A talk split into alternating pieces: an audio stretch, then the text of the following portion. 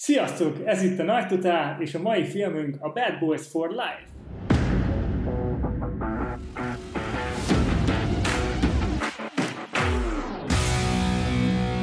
Én az első talán darabokban láttam még annak idején, és ebben se vagyok biztos. Hát ugye mindig, amikor a tévében nyomják ezeket a filmeket így esténként, akkor óvatatlanul is csak oda ragad az ember, és mivel egy jó kis akciófilmről beszélünk, hát miért ne néznénk meg. Érdekes volt így újra nézni az elsőt és a másodikat. Az első nekem iszonyatosan tetszett, a másodikon én őszintén szólva volt, hogy majdnem bealudtam, pedig sokak szerint az a legjobb rész az összes közül. Mindenesetre nem mondom azt, hogy nem érte meg. És akkor így adott az alkalom, hogy, hogy ugye megjelent a, a harmadik rész, és akkor hát kíváncsi voltam persze, hogy ez a, hogy ez a két színész, a Martin Lawrence és a Will Smith akkor mit tudnak alkotni még, mert ugye a Will Smithnek a karrierjébe láthattuk most nem régen, hogy, a, hogy az Aladdinban próbált egy kicsit úgymond nem hétköznapi módon játszani, tehát nem azt a megszokott szerepet hozta, mint amit megszoktunk tőle, hanem egy, egy Ginit alakított, és ráadásul még előjött egy kicsit a rap korszakból is egy, egy kis nosztalgia, úgyhogy kíváncsi voltam, hogy vajon mit fog a harmadik Bad Boys-ban alakítani.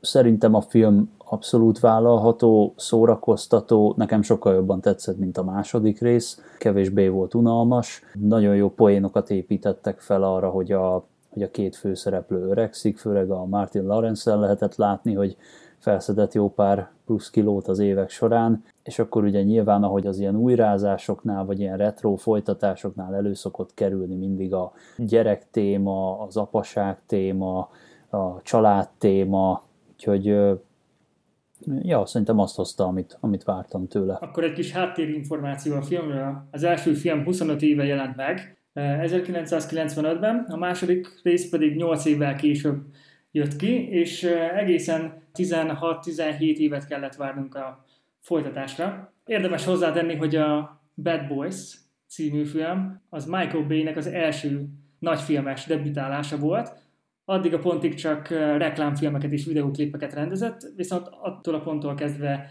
számított egy hollywoodi akciófilmes rendezőnek. És ugye a harmadik rész az már nem az ő gyermeke, akkor még egy dolgot akartam még Michael Bay-ről mondani, biztos láttátok a cameóját, amikor nem egyértelmű, hogy temetés vagy uh, esküvőről van szó a jelenetben, igen, mert igen. azután uh-huh. van, miután lelőtték uh, Michael Laurie-nek a karakterét, az ifjú párnak gratulál, és akkor ezt a 360-as tradicionális, amikor uh, már a védjegyévé vált ilyen kamerakezelést használták Michael Bay körül, mondták is a rendezők, az új filmnek a rendezői, hogy Michael Bay-t nem szabad, őt nem lehet rendezni. Tehát ő rendezte saját magát, ő mondta, hogy igen, akkor itt fogok állni, itt fogom csinálni, ez lesz a cameo. Szerintem a Bad Boys 3 mindörökké rossz fiúk rendezői nagyon Michael Bay-esen hozták a rendezést. Tehát egyébként, ha nem tudom, hogy nem Michael Bay rendezte a filmet, nekem nem tűnt volna fel alapvetően. Én is újráztam, újra megnéztem az első két részt, Nekem abszolút kimaradtak ezek a filmek. Én is hasonlóképpen valamikor láttam régen az első részt, de nem hagyott bennem nagy nyomokat, illetve egyszer láttam a második részt, de akkor se tetszett annyira különösen. Nekem még az jutott eszembe, hogy mennyi ilyen film lehet, amit mondjuk az ember fiatalon gyerekkorában lát, és aztán felnőve újra nézve a nosztalgia szemüvegen keresztül, még továbbra is ugye olyan gyermeki rajongással tudja megnézni, mint, mint amikor mondjuk még jó, jó pár évvel fiatalabb volt, és hogy mondjuk ma, amikor megnézi valaki ezeket a 90-es évekbeli akciófilmeket úgy, hogy még nem látta előtte, és nincs meg ez a nosztalgia szemüveg, nincs nem meg ezek a gyermekkori élmények és emlékek, hogy akkor vajon mennyire tud uh, jó lenni egy ilyen ember számára, vagy élvezhető lenni egy ilyen ember számára egy adott film. Nekem például meghatározó akciófilm volt annó a Tango és Cash például, vagy a Beverly Hills is sorozat, mm-hmm. és kíváncsi vagyok, hogy például ha valaki ma nézi meg ezeket a filmeket úgy, hogy nem látta egyébként gyerekkorában, hogy ők hogyan viszonyulnak ehhez, mert nekem most így több mint 30 éves fejjel megnézve ezt a filmet, úgyhogy nincs rajtam a nosztalgia szemüveg, nekem nem annyira jött be. Jó a kémia a két főszereplő között, de szerintem semmi olyasmi, amit ne láttunk volna már korábban vagy azóta. ugye egy tipikusan body cup akciófilm, Igen.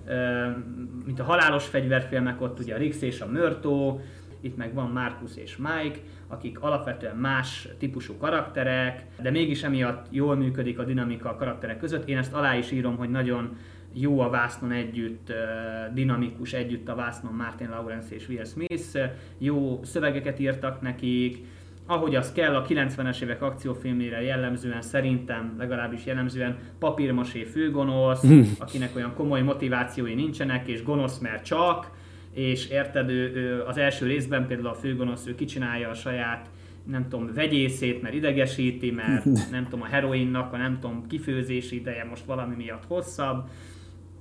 Aztán, tehát nekem az első rész, megnéztem egyszer, elég is volt, szerintem többször nem annyira fogom én ezt megnézni, nekem nem annyira tetszett. A második résszel hasonlóképpen éreztem. A második rész nekem már egy fokkal jobban tetszett, de azért én mind a két részen úgy bebehunytam a szemem. Nem érezted a, túl hosszúnak?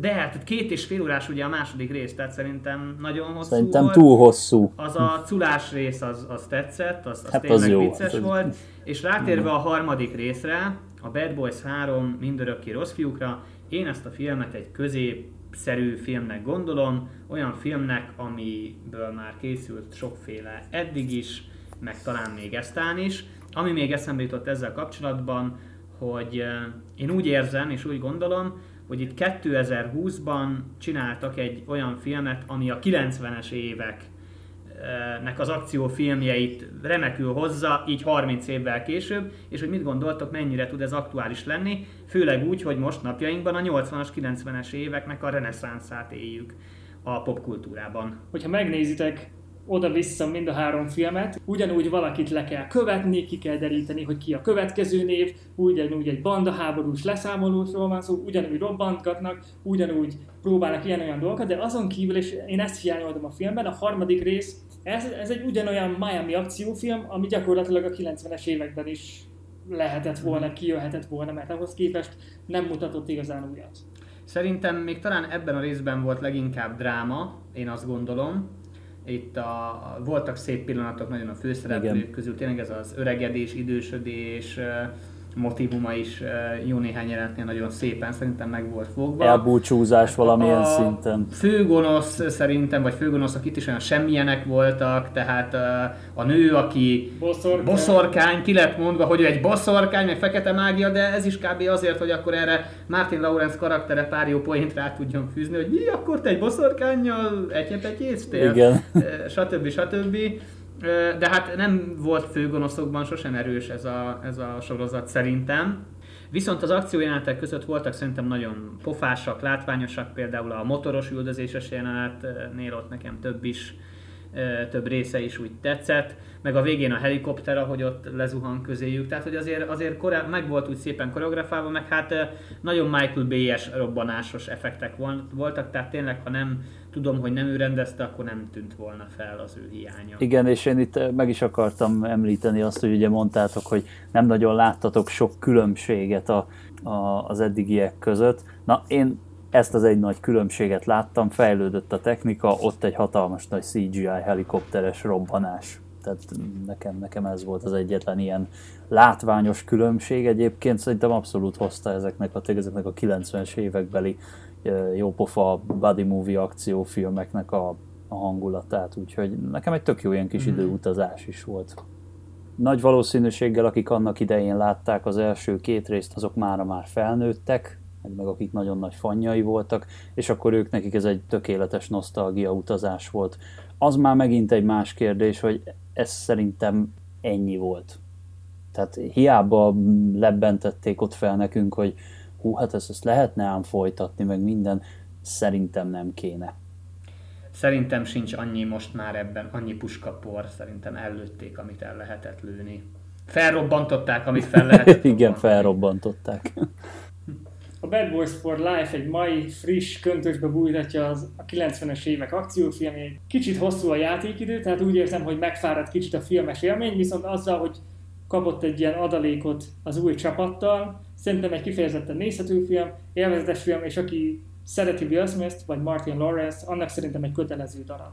Igen, szerintem is egyébként egy olyan film lehet, ami, amit lehet, hogy jobb megnézni úgy ismerősökkel, barátokkal, popcornt, valami snacket fogyasztó, és közben sört vedelve, aztán mondjuk amikor megjönnek a lányodért, hogy elvigyék randizni, akkor még akár Reggie-t is beívhatod, hogy gyere fiam, pattanj le ide, nézz velünk. Hány éves vagy? 30-nak nézlek, Cula. az annyira jó. Én még annyit, hogy szerintem bátran oda tehető az első két rész mellé. Tehát főleg, hogyha valaki mondjuk gyűjti a filmeket, és ez még nincs meg a gyűjteményben, szerintem ez bátran oda tehető az első két rész mellé.